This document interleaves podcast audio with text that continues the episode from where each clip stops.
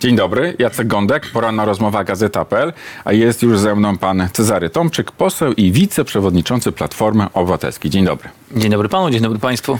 Panie pośle, czy Platformie tak naprawdę zależy na tej jednej liście całej opozycji? Tak, Od kiedy? od zawsze. Tak? A akurat u Szymona Hołowni, czy też na Lewicy przekonują, że tak w, w zasadzie to Donald Tusk nigdy na twardo w czasie takich rozmów face to face liderów nie składał takiej propozycji. Nie ma nic bardziej mm, takiego spektakularnego i symbolicznego niż powiedzenie czegoś wprost. I Donald Tusk chyba jako jedyny mówi to wprost, mówi to publicznie na spotkaniach z tysiącami ludzi, więc myślę, że ta sprawa z naszej strony została rozstrzygnięta. Co więcej, Ale to są, y, za, Tylko coś- ale to są wezwania do zbudowania dokończę. jednej listy publicznie w telewizjach, a nie na spotkaniach liderów, tak? y, my jeszcze też, nie, nie, na spotkaniach liderów jest, jakby rozmawiamy o tym samym. Natomiast jest jeszcze też uchwała Rady Krajowej, e, którą przyjęliśmy wspólnie, dając mm, premierowi Tuskowi e, tutaj e, pełen wachlarz możliwości, jeżeli chodzi o wypracowanie tego porozumienia. Z naszej strony jest e, wszystko jasne. My jesteśmy w stanie, myślę, zamknąć sprawę w ciągu kilkudziesięciu godzin, jeżeli partnerzy powiedzą tak, ale też widzę, że e, opinia publiczna jest zmęczona tym tematem. Ja się też nie dziwię. Powiem panu zupełnie e, serio, jak jeżdżę po Polsce, a e, wszyscy mm, jeździmy bardzo dużo, spotykamy się z wyborcami w naszych okręgach To ludzie pytają nimi. o jedną listę, czy o ceny Nie, pomidorów Nie, ludzie kurczaka? pytają przede wszystkim, jeżeli chodzi o kwestię polityki i y, tego tematu, od którego pan zaczął, to są bardzo zdziwieni, czemu w ogóle do tego porozumienia nie może dojść. Dla ludzi jest absolutnie jasne, że wtedy, kiedy jest trudny czas, to trzeba się jednoczyć. I powiem panu, no każdy to wie. Myślę, że mój syn, który ma lat 11, gdyby go zapytać, czy jak jest trudny czas, to lepiej się dogadać yy, i spróbować coś razem wypracować, czy każdy sobie, no to 11-latek yy, odpowie na to pytanie świetnie. Więc nie wiem, co jeszcze y, można w tej sprawie y, Ale na zrobić. przykład PSL ma swoje analizy, badania, też ekspertów zatrudnia chociażby doktora e, Macieja Onasza z Uniwersytetu Łódzkiego i, z- i z ich analiz wynika, że oto e, wspólny start PSL-u z ma sens, a wspólna lista nie, bo odpłyną wyborcy bardziej konserwatywni, wyborcy PSL-u. No to, dlatego mówię, że dyskusje na ten temat, y, nawet też publiczne, jakby niczego nie wnoszą. Ja dzisiaj raczej y, chciałbym, żeby nie było żadnych złych emocji między partiami opozycyjnymi. Y, Ale są, były, są. będą. ale one są niepotrzebne, bo one powodują, że nawet w takim programie jak u pana, czy w jakimkolwiek innym programie, czy to jest Polsat, czy to jest jakaś wirtualna Polska, czy Wszyscy TVN, młotkują polityków o jedną listę. Ja bym tak, wolał wiem. e, rozmawiać o tym, o czym rzeczywiście ludzie chcą w pierwszej kolejności rozmawiać. Bo ludzie rzeczywiście w sprawie jednej listy mają wypracowane zdanie. Było takie spotkanie chyba w Bytomiu e, z przewodniczącym Tuskiem. Takie dosyć głośne pani e, chyba na balkonie zabrała głos. E, I tamci wszyscy ludzie, którzy przychodzą, mają jasne, sprecyzowane zdanie. Oni wiedzą, oni pytają raczej nas, co się dzieje, że nie można w tej sprawie się porozumieć. Ale, akurat tylko... wyborcy PSL-u na te spotkania z Donaldem Tuskiem no, raczej nie przychodzą, więc oni tam głosu nie zabierają. Różnie, natomiast jeżeli chodzi o wyborców PSL-u, przecież to też są y, badania dostępne. Większość wyborców, albo przynajmniej y, połowa wyborców y, Polskiego Stronnictwa Ludowego, większość wyborców Szymona Hołowni czy Lewicy chcą jednej listy. Większość, ale nie wszyscy. Pani pośle, No, ale jest, jest konkretna Tak rzecz. to chyba jeszcze na świecie nie ma, żeby wszyscy. Zaraz będziemy obchodzić rocznicę takiej deklaracji Donalda Tuska, że oto wszyscy liderzy partii opozycyjnych zgodzili się, żeby zrobić takie wielkie badania sondażowe. W wywiadzie dla polityki Donald Tusk mówił tak: To będą bardzo szczegółowe badania w każdym powiecie, w każdej gminie. No i gdzie są te badania? Wtedy, kiedy było, zresztą rozmawialiśmy o tym przed wejściem na antenę, wtedy, kiedy doszło do głosowania w sprawie e, KPO, doszło do de facto do zerwania jakiegoś takiego porozumienia e, wśród opozycji. Ja nie wiem, jak wyglądają te rozmowy w tej chwili. Wydaje się, że one się, Ale, ale jeżeli panie chodzi o kwestię jednej listy, rok zakończyły. Temu, ale rok temu było twarde zapewnienie, że będą bardzo Panie szczegółowe redaktorze, ale jeszcze sondaże, raz, to nie zależy, nie ma. to nie zależy od nas. Jak My w tej sprawie Jak powiedzieliśmy Największa wszystko. partia opozycyjna ma pieniądze, żeby wydać chociażby pół miliona złotych na taki sondaż. A Ale to nie nie jest robicie. kwestia sondażu, my robimy e, badania to- i je to często była, prezentujemy. To była kwestia sondażu. Nie, nie, nie. Donald Tusk mówił o tym, że takie badania są potrzebne w ramach całej opozycji. Żeby takie badania mogły być przeprowadzone, no do tanga trzeba dwojga.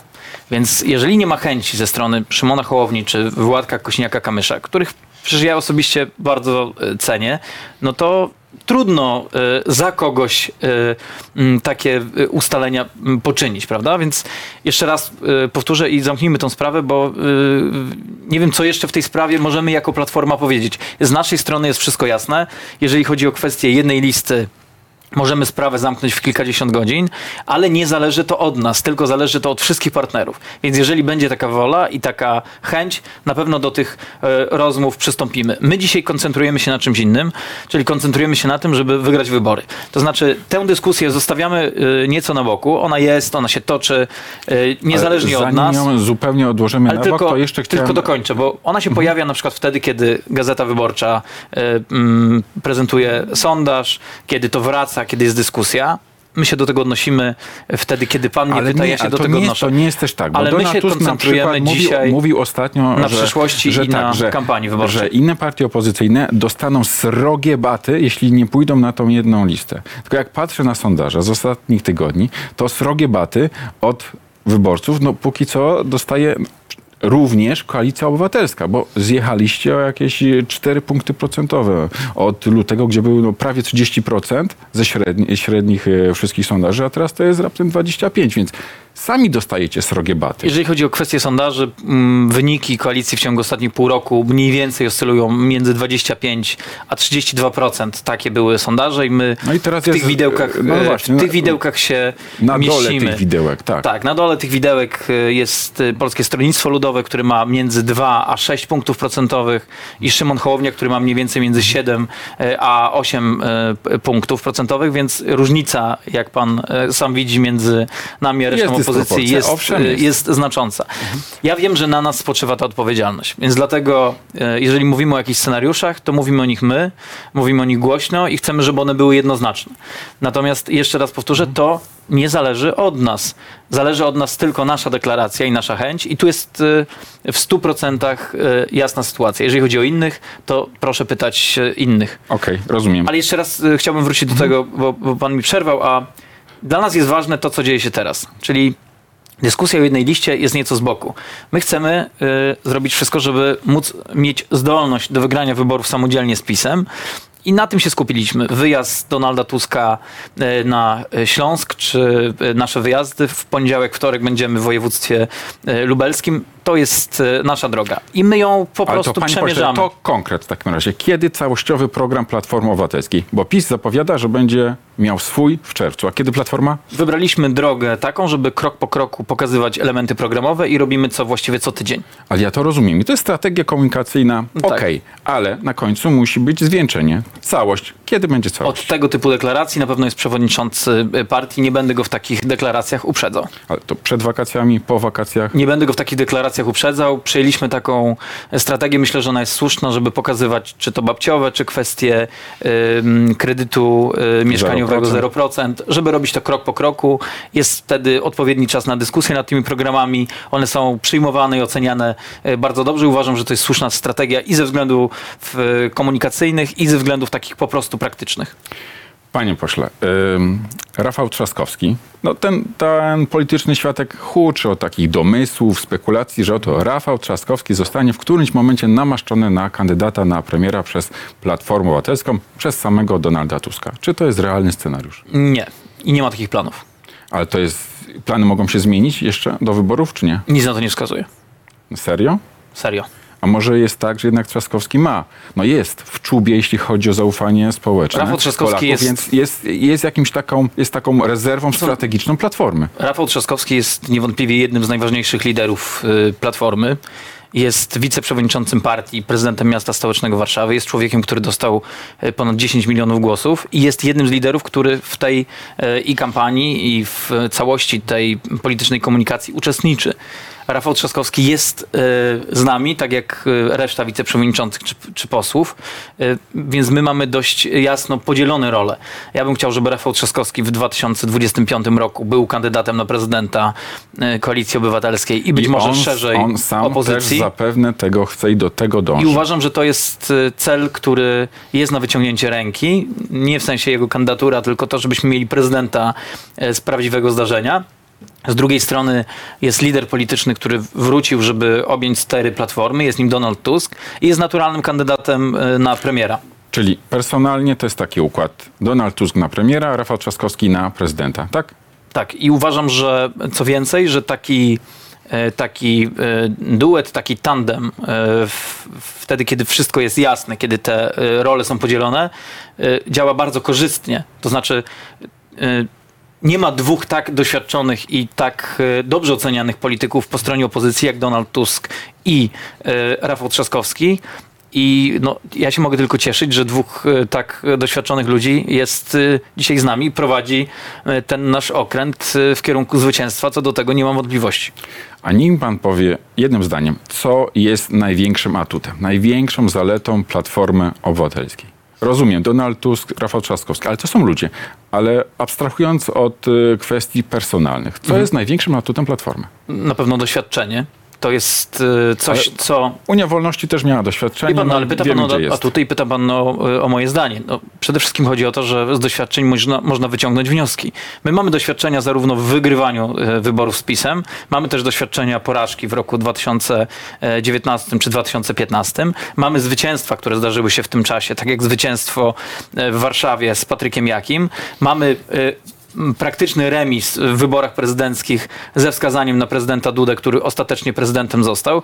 Więc to jest system doświadczeń e, i wniosków, który z tego płynie. Uważam, że nikt po stronie opozycji e, czegoś takiego nie ma. Mamy też najlepszych e, ludzi, jeżeli chodzi o to doświadczenie kampanijne i doświadczenie, jeżeli chodzi o kwestie rządzenia państwem. I dzisiaj wydaje mi się, i nie ma w tym przesady, że Oczywiście swoje atuty ma też PSL czy mm, y, Polska no, Szymona PSL Hołowni. to rządziło z Platformą, Tak, ale- też z SLD. Ale chodzi mi o pewien zasób i szerokość tego y, wachlarza, że gdyby dzisiaj trzeba było przejąć rządy po PiSie, dzisiaj, to my w ciągu 24 godzin jesteśmy w stanie skonstruować taki gabinet e, w sposób odpowiedzialny i z planem na przyszłość. I myślę, że dzisiaj jesteśmy e, jedyną taką partią e, w Polsce, która całościowo podchodzi do państwa i ma do tego ludzi, którzy mogą dzisiaj wejść na stołki ministerialne i po prostu kierować krajem. No to w, skoro w jedną dobę Platforma jest w stanie sformować rząd, no to może należałoby zaprezentować taki gabinet. Był już gabinet cieni, Mm. ale to by pokazało, że no, macie kadry, a takiego gabinetu cieni nie ma. Kiedyś był, trochę z niego Tak. żartowano, bo, bo to był raczej cienie niż ministrowie, bo ten gabinet się po prostu nie zbiera.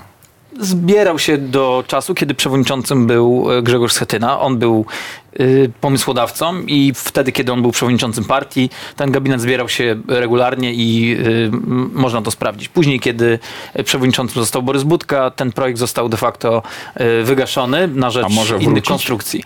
Myślę, że nie. W takiej formie myślę, że, że to jest niemożliwe, też ze względu na konstrukcję na opozycji. Natomiast to jest tak, że ja na pewno nie jestem zwolennikiem tego, żeby dzielić skóry na niedźwiedziu. To nie jest tak, że my już wygraliśmy te wybory. My musimy zrobić wszystko, żeby je wygrać. Oczywiście będziemy na pewno na jakimś etapie kampanijnym pokazywać kandydatów na te najważniejsze stanowiska. Myślę, że to nastąpi, chociaż takie decyzje e, jeszcze nie zapadły. Mm, Natomiast e, byłbym ostrożny, jeżeli chodzi o pokazywanie całości w taki sposób, jakby to się już dokonało.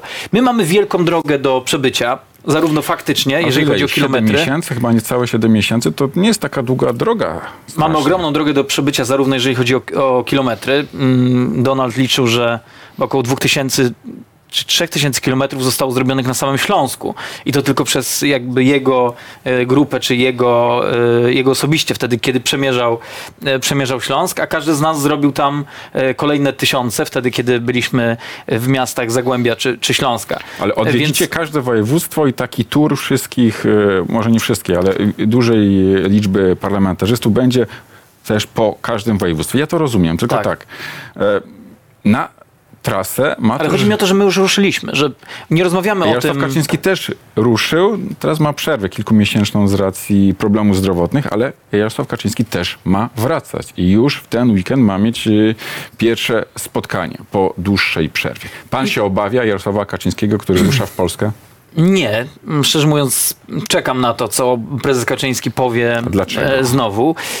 Wie pan, Objazdy Jarosława Kaczyńskiego były rzeczywiście spektakularne. Wszystkie były mm, bardzo mocno reżyserowane, co widać wtedy, kiedy ci ludzie z tych kartek muszą czytać te pytania, mm, mm, e, które zostały podytknięte przez jednego czy drugiego rzecznika partii.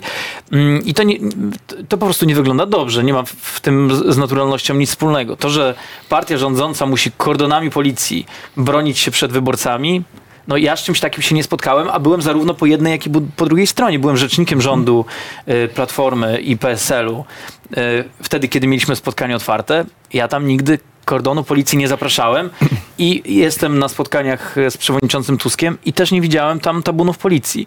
Więc y, one się, mm, te spotkania z Kaczyńskim kompromitują się same. I y, uważam, że to jest ważne, że on jeździ, dlatego że ludzie mogą zobaczyć, co on naprawdę myśli. A może on po prostu tchnie takiego ducha walki w działaczy Prawa i Sprawiedliwości i oni będą po prostu gryźć trawę w terenie. Pan, No, tam jest taka kampanię. sytuacja, że to się wszystko trochę rozłazi w szwach. Yy, Widać to na przykładzie kwestii rolnictwa. Na pewno A Jarosław Kaczyński o rolnictwie również i o ukraińskim zbożu ma rozmawiać ten weekend z Dokładnie. rolnikami. No, paradoks jest taki, że mm, ludzie PiSu przez wiele tygodni i miesięcy próbowali wmówić Polakom, że oto jakaś tajemnicza grupa z zachodniej Europy chce, żebyśmy jedli robaki. Prawda? Pamięta pan? A okazało się, że w zbożu, które przyjechało do Polski, y, były robaki i prawdopodobnie to zboże trafiło na polskie stoły w postaci y, y, mąki i chleba. Więc to jest w ogóle jakaś katastrofa. Oni do tego doprowadzili. Mówili o robakach, oni wprowadzili robaki na polski rynek. Ale to dlatego, że w zbożu technicznym przetrzymywano, czy trzymanym w wagonach po prostu takie robactwo mogło się, mogło się No zalęgnąć. pewnie, że tak. I teraz widzi pan, no oni dzisiaj próbują gasić ten pożar. Kaczyński pojawia się nieprzypadkowo. Ja nie sądzę, żeby on był w szczycie formy, żeby było jasne. E, Ale myślę, że on się pojawia, bo trochę nie ma innego wyjścia. Widać, że jest nowy minister rolnictwa, który absolutnie nie radzi sobie z problemem. Przecież Telus to jest chyba, szczerze mówiąc, ostatnia osoba, którą ja bym nominował na ministra Tak, rolnictwa chyba Kowalczyk. szefem e, Komisji Rolnictwa w Sejmie, no Ale nie chodzi o jego nawet y, takie dosie kompetencyjne, tylko że w, z jakiegoś powodu w ciągu roku w sprawie zboża z Ukrainy nie zrobiono nic. Sam byłem osobiście na y, spotkaniu z rolnikami na Dolnym Śląsku, na którym był też przewodniczący Tusk. Była konferencja, można do tego wrócić, transmitowana przez wszystkie stacje telewizyjne. I Donald Tusk wtedy mówił jasno: Dostaliśmy sygnał, że jest gigantyczny problem z transportem ukraińskiego zboża przez Polskę. Ludzie uważają, że to będzie problem dla polskiego rolnictwa. Natychmiast trzeba podjąć kroki. I ja wtedy widziałem TVP Info, które y, zrobiło z tego materiał i wiadomości, że Donald Tusk jest y, prorosyjski. Że nie chce pomagać Ukrainie. a też pamiętam... e, A potem Henryk okazało Kowalczyk się, mówił, że on w o- 100% miał rację. Henryk Kowalczyk mówił, i to też pamiętamy, mówił, żeby rolnicy trzymali zboże, bo cały czas będzie drogie. Okazało się, że z czasem jednak staniało i Henryk tego... Kowalczyk, pamiętajmy, że on jest ciągle wicepremierem. Tu się nic nie zmieniło. A, tak, ale jest pionkiem. Nie ma Ale teki, jest pionkiem? Nie ma teki rolnictwa, jest pionkiem. Ale, Nie, no, ale panie, panie- po, panie pośle, Ale nie, chcę panu, ale chcę panu dlaczego pan zacytować tylko, ale nie wiem, dlaczego Michała pan umniejsza, y, umniejsza rolę y, pana Nie Kowalczyka. umniejszam, jestem po prostu szczery. Panie Ale- pośle, ale- panie pośle, chcę panu zadać e, Ja pytanie e, i Proszę zacytować. Michała Kołodziejczaka, szefa Agrounii, zwraca się do Donalda Tuska. Mówi tak, panie Donaldzie, e, jak pan chce poznać te opinie o robactwie w zbożu, to niech pan tutaj przyjedzie i z ludźmi, z praktykami porozmawia, a nie czyta z kartki, bo to jest już groteska i ośmieszanie się. Chcecie znać się na wszystkim, a nie znacie się na niczym. Po prostu wzywa Donalda, no, y, Tuska. Niech szef Platformy przyjedzie do rolników, niech pogada z nami i wtedy się więcej dowie. a Nie czyta Mhm. Opinii z tylko, kartki. bo czyta pan teraz z kartki e, słowa e, No, pana żeby, Kołodziejczaka. żeby go zacytować wiernie, tak. Ale ja nie mam nic przeciwko, tylko mm, stwierdzam fakt. Czyta pan z kartki opinię pana Kołodziejczaka, który jest szefem partii politycznej. Prawda? Czyli jest szefem partii, tak jak szefem partii jest Władysław Kosiniak-Kamysz i tak dalej. Oni mają prawo uprawiać swoją politykę i to robią. Więc jakby nie chciałbym tego komentować w sposób, jakby to była jakaś niezależna grupa. A jeżeli To- chodzi, tylko to- dokończę. A jeżeli chodzi o kontakty z rolnikami, mm, nie dalej jak kilka dni temu Donald Tusk był u rolników, co też można znaleźć na naszych mediach społecznościowych e, i rozmawiał właśnie o kwestii zboża. Za każdym razem, kiedy jesteśmy e, w jakimś województwie, dochodzi do spotkania e, z rolnikami, bo to jest temat jeden z pierwszych tematów e, w naszym kraju dzisiaj e, i musimy mieć e, tutaj pełen ogląd. Więc szczerze mówiąc, jeżeli chodzi o tę tematykę, znamy ją bardzo dobrze. To, panie znamy ją bardzo dobrze konkret i się tym razie. konkretnie zajmujemy. Czy powinna powstać komisja śledcza do spraw tego ukraińskiego zboża? To między innymi Kołodziejczak proponuje. Komisja śledcza. Tak. Wie pan co? Y, Komisja śledcza zawsze jest ostatnim krokiem. Dla mnie mogą w tym państwie powstać wszystkie możliwe komisje śledcze i powinno ich być 200. Ale w tym przypadku ma sens czy nie? Mm, Wie pan co? Myślę, że może mieć. Tak, oczywiście, że tak. Tylko ja bym chciał wiedzieć najpierw, co y, organy państwa w tej sprawie robią. No bo, wie pan, w Ale, pierwszej ale kolejności... spodziewa się pan tego, że na przykład prokuratura działa tutaj no bardzo nie tylko, prężnie? bo wie pan, to jest też kwestia polityki. Znowu cytuję pan, pana Kołodziejczaka. Pan Kołodziejczak jest, tak jak powiedzieliśmy, szefem partii. Żeby powołać y, komisję śledczą w Sejmie, trzeba mieć, uwaga, większość. Tak samo, y, żeby zmienić na przykład to, że prokuratura jest zależna albo niezależna. Do tego wszystkiego są potrzebne narzędzia polityczne. Żeby to było możliwe, trzeba wygrać wybory. Czy po wyborach powstanie taka komisja w sprawie y, zboża? Jestem pewien, że tak. Czy ona powstanie w tym Sejmie? Nie sądzę, ze względu na to, że większość dzisiaj jest w rękach PiSu i to jest ich ostatnia rzecz, na którą oni się zgodzą. W normalnym kraju byłoby tak, że służby państwa zajęłyby się dzisiaj firmami, które robiły interesy na krzywdzie polskich rolników. Ale normalnego państwa nie mamy, bo nie ma niezależnych instytucji w Polsce, tylko wszystkie są od polityki zależne. Więc dlatego pierwszym krokiem, najważniejszym jest to, żeby wszystkie siły polityczne, łącznie z Agrounią e, i z PSL-em, z Polską Szymona Hołowni i tak dalej, i tak dalej, skupiły się na tym, żeby wygrać wybory, bo tylko wtedy będziemy mogli realizować tego typu pomysły, choćby były i najlepsze na świecie. Panie pośle, zmieniając temat. Ile Platforma wydaje na kampie, kampanię billboardową PiS równa się drożyzna? Nie mam takich informacji, to trzeba kierować takie informacje do skarbnika e, Platformy. Ale to raczej nie są grosiki, tylko setki tysięcy złotych, No prawda? zapewne. Po co taką górę pieniędzy wydawać na billboardy? No myślę, że to jest bardzo istotne z punktu widzenia też prowadzenia i prekampanii, i kampanii wyborczej, żeby y, pokazać jasno, y, jak dzisiaj wygląda odpowiedzialność polskiego państwa za drożyznę. To pan wskaże nazwiska osób odpowiedzialnych za drożyznę.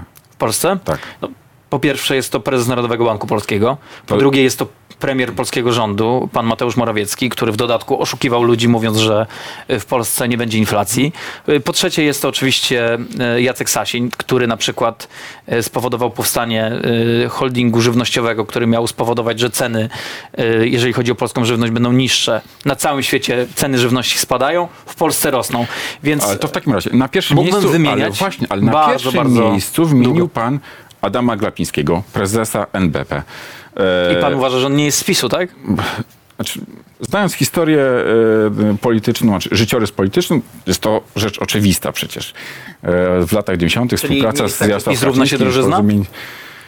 Nie będę stawiał takich tez, patrząc chociażby na e, inflację w innych państwach Unii Europejskiej. No, Polska faktycznie jest w czubie, ale nie, też nie jesteśmy rekordzistami. Na przykład Estonia, Czechy czy też Łotwa mają na podobnym poziomie inflację. Ale my jesteśmy, my byliśmy rekordzistami w wielu acz- miesiącach. Aczkolwiek szczerze mówiąc, w nie ma się z tego Polsce, cieszyć. Owszem, nie, to owszem nie jest powód do tego, żeby się cieszyć. Średnia w Unii Europejskiej e, to jest około chyba 7%, więc wyższa niż w W Polsce. Polsce jest 17 w tej Tak, a nawet 18,4. Panie pośle, ale na pierwszym miejscu wymienił pan Adama Glapińskiego.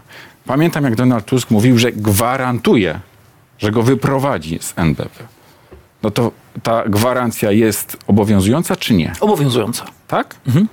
Donald Tusk nie komunikuje tego w żaden sposób ostatnimi miesiącami. Mm, No ale komunikował. Nie musimy tego y, też za każdym razem powtarzać. Myślę, że To jest obietnica ważna. Jak Platforma przejmie władzę, to od razu kolejnego dnia Adam Glapiński zostanie wyprowadzony, czy też odwołany z funkcji e, prezesa są opinie, Narodowego Banku są opinie prawne, Polskiego. które mówią, że mm, Adam Glapiński pełni, y, czy jego kadencja jako prezesa Narodowego Banku Polskiego była de facto jego drugą kadencją, e, ze względu na to, że wcześniej był w e, zarządzie Narodowego Banku W Polskiego. Pałacu Prezydenckim zaprzeczają, że mają takie analizy. No tak, no ale no, wystarczy mm, poczytać materiały prasowe żeby zobaczyć, że takich analiz jest znacznie więcej i że wielu konstytucjonalistów w tej sprawie się wypowiadało. Nie mam też żadnych wątpliwości, że ten człowiek sprzeniewierzył się urzędowi, który e, zajmuje.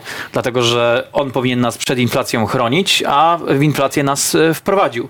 I co do tego też nie mam najmniejszych wątpliwości. Wystarczy prześledzić wszystkie stand-upy prezesa Glapińskiego i zobaczyć, jakie bzdury opowiadał e, jeszcze rok czy półtora roku temu, a w jakim miejscu jesteśmy dzisiaj. Jedyną ważną deklaracją nomen omen e, prezesa Glapińskiego to jest ta, która dotyczy słynnego porozumienia Sopockiego, gdzie przypo, przypadkowo napotkanej osobie prezes Glapiński powiedział, że jeszcze jedna tylko mała podwyżka stóp procentowych nas czeka, a później już nie. I to się na razie sprawdza. Panie pośle, nim pan powie, czy przed wyborami przypłyną do Polski pieniądze z Unii Europejskiej na KPO? Mm, nie mam tutaj szklanej kuli. Mm, jeżeli próbowałbym odczytać z tego... Ale też jest pan analitykiem polityki, no więc nie potrzebuje pan e, prawdziwej szklanej kuli, żeby coś przypuszczać albo uznawać za najbardziej prawdopodobne. Ja mogę powiedzieć, czego bym chciał. Mm, w pierwszej kolejności. Chciałbym, żeby te pieniądze przed wyborami znalazły się w Polsce i żeby znalazły się jak najszybciej. Chciałbym, bo mm, ludzie na to czekają. Zresztą widać, że e, gdyby nagle Polska mogła dostać taki zastrzyk gotówki, to też wiele procesów gospodarczych byłoby dzisiaj zupełnie, e, czy te procesy byłyby dzisiaj zupełnie inne e, ale wiemy, że sam układ polityczny, który no, doprowadził do blokowania tych pieniędzy, czyli rząd PiSu, no, on się wewnętrznie zablokował. To znaczy, najpierw próbowano nam wmówić, że z prezydentem Dudą wszystko jest umówione i dogadane. Potem sam prezydent Duda zabrał głos, że to nieprawda. Potem mówiono, że to jednak prawda, a potem okazało się, że prezydent Duda e, odesłał ustawę do Trybunału Julii Przyłębskiej i teraz już właściwie nic nie wiadomo, bo w samym Trybunale nie nawet nie wiadomo, kto jest dzisiaj e, prezesem. Więc przyzna pan szczerze, że jednak, wydaje mi się, że jednak szklana kula jest tutaj mm, y, no, nieprzesadzoną metaforą. Wie pan co? jeśli się rozmawia z politykami PiSu, albo też czyta ich wypowiedzi publiczne, mhm. chociażby Jarosława Kaczyńskiego, to oni stwarzają dużą presję na Trybunał, żeby jednak się odkłócił, ogarnął i coś po prostu z siebie wypluł, jeśli jakieś orzeczenie, jakiś wyrok. Ale przyznam pan, że to śmieszne trochę. Presję na Trybunał. Teraz ja bym się z tego nie śmiał, bo to jednak duża kasa Ale nie chodzi o to. Ja nie, ja nie mówię o kwestii KPO. Ja mówię o, o tym, co pan powiedział w sprawie presji na Trybunał oni ten Trybunał zawłaszczyli od samego początku. Tak, wszyscy członkowie Trybunału są wybrani przez PiS i teraz niemalże 50-50 jest podział. Tak, jest jakaś jest to presja, oczekiwanie z panią Przyłębską, e, Kaczyński sobie jej obiady. Znaczy, o czym rozmawiamy? Tam albo nie ma jakiejś decyzji pośle, politycznej. Rozmawiamy o rzeczywistości, tak to No wygląda. właśnie, jak ona wygląda? No, to kto jest dzisiaj prezesem Trybunału? Kto jest dzisiaj w ogóle sędzią Trybunału? No to pani odpowie, kto jest y, prezesem Trybunału? No, moim zdaniem na pewno nie Julia Przyłębska. To kto? Nie ma? Myślę, że nie ma. Myślę, że dzisiaj Trybunał powinien powołać pełniącego obowiązki e, prezesa Trybunału Konstytucyjnego i zgodnie z ustawą dokonać hmm. wyboru e, nowego prezesa. Panie pośle, a jeśli się okaże, że te pieniądze jednak z uwagi na ten bałagan w Trybunale po prostu nie popłyną i z uwagi też na inne rzeczy, to Platforma przejmuje władzę i, i w jaki sposób odzyskacie te pieniądze? Jest na to jakiś plan? Pamiętajmy, że najważniejszą sprawą, jeżeli chodzi o kwestię y, pieniędzy z KPO, jest to, że Polska zaproponowała razem z Komisją Europejską y, te kamienie milowe, których sama nie wypełniła. Więc tak naprawdę czynnikiem konstytutywnym do tego, żeby pieniądze się w Polsce pojawiły, jest wypełnienie kamieni milowych, na które polski rząd nie dość, że się zgodził, to które sam zaproponował. A kwintesencją, jeżeli chodzi o kwestię tych kamieni milowych, jest kwestia praworządności, która brzmi jednak dla wielu ludzi jak odległe hasło, ale tak naprawdę chodzi o to, żeby PiS nie mógł bezkarnie kraść bo to do tego się sprowadza, żeby prokuratura wtedy, kiedy pojawia się kwestia na przykład zboża, Ale rozumiem, mogła sprawę, jaki jest plan na odzyskanie tych pieniędzy po prostu? Myślę, że w ciągu y, to też jest kwestia raczej godzin czy dni. Jesteśmy w stanie przeforsować, mając y, większość w Sejmie, kilka ustaw, które sprawę zamykają. Ale gdzie te ustawy potem trafią? Na czyje biurko?